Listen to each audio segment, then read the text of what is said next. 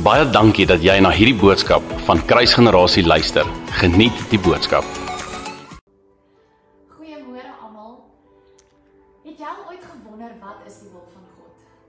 Wat is sy wil vir jou, vir jou lewe, vir jou familie, dalk vir jou dorp waar jy woon of vir hierdie land?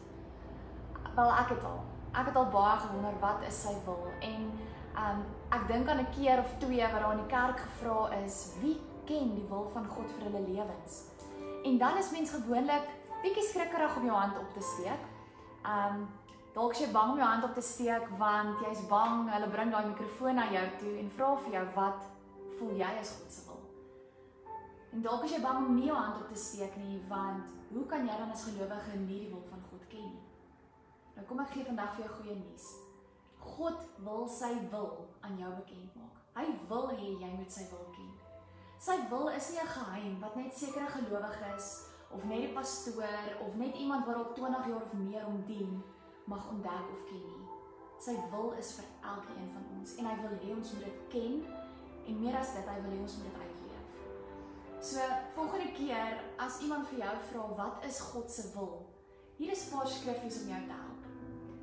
Sy woord is is vol van sy wil. Sy woord gee vir ons leidrade en selfs duidelikheid rondom sy wil.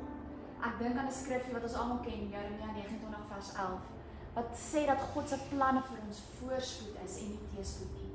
So daar daar is God se wil vir ons. Dis voor, om voorspoedig te wees. En dan gaan hy skrifgie aan om te sê 'n toekoms vol hoop. Dis sy wil vir ons.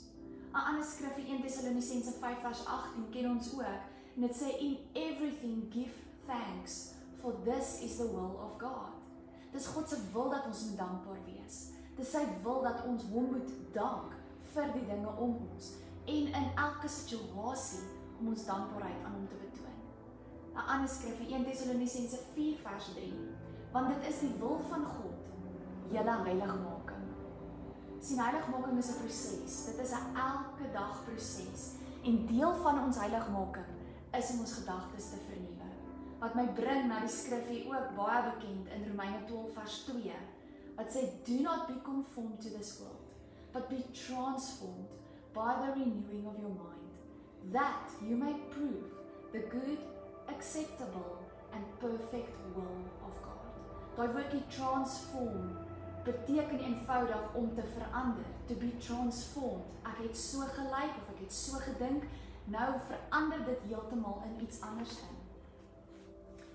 Die woordjie prove wat in daai skrifgie gebruik word, that you may prove the good, acceptable and perfect will of God is 'n werkwoord. En hierdie woord prove beteken to demonstrate the truth. My vraag aan jou vanoggend is, hoe kan ons die waarheid demonstreer as ons nie die waarheid ken nie. En die waarheid hier, ons weet die woord van God sê Jesus is die waarheid. Sy wil is waar. Ons het nou net gesien hierso, die skrif sê sy wil is goed. Sy wil is welgevallig, sy wil is volmaak. En hy wil hê ons moet dit demonstreer. Ons moet dit uitleef elke liewe dag.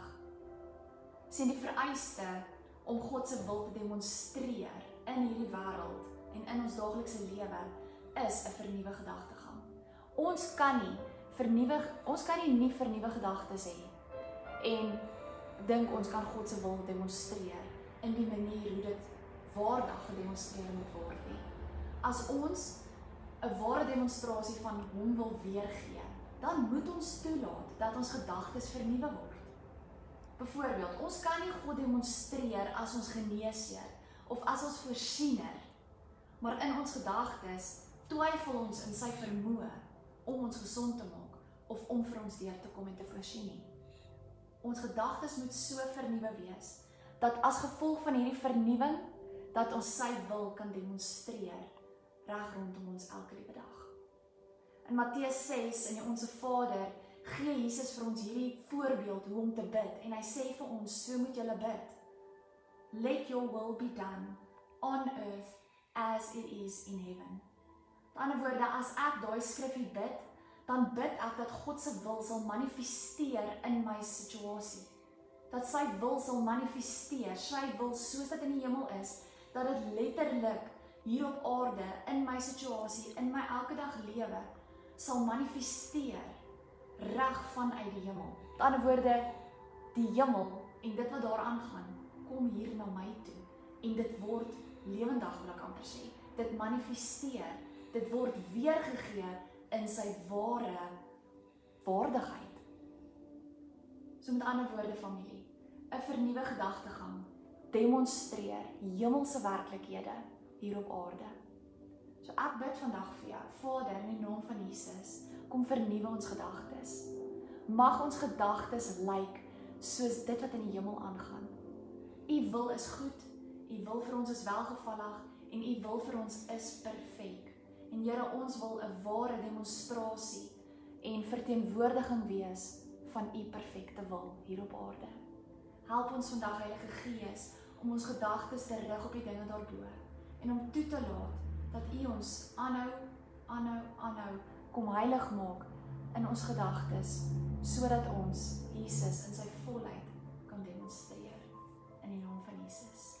Wees geseënd. Baie dankie dat jy na hierdie podcast geluister het. Indien jy die boodskap geniet het, deel hom asseblief met jou vriende.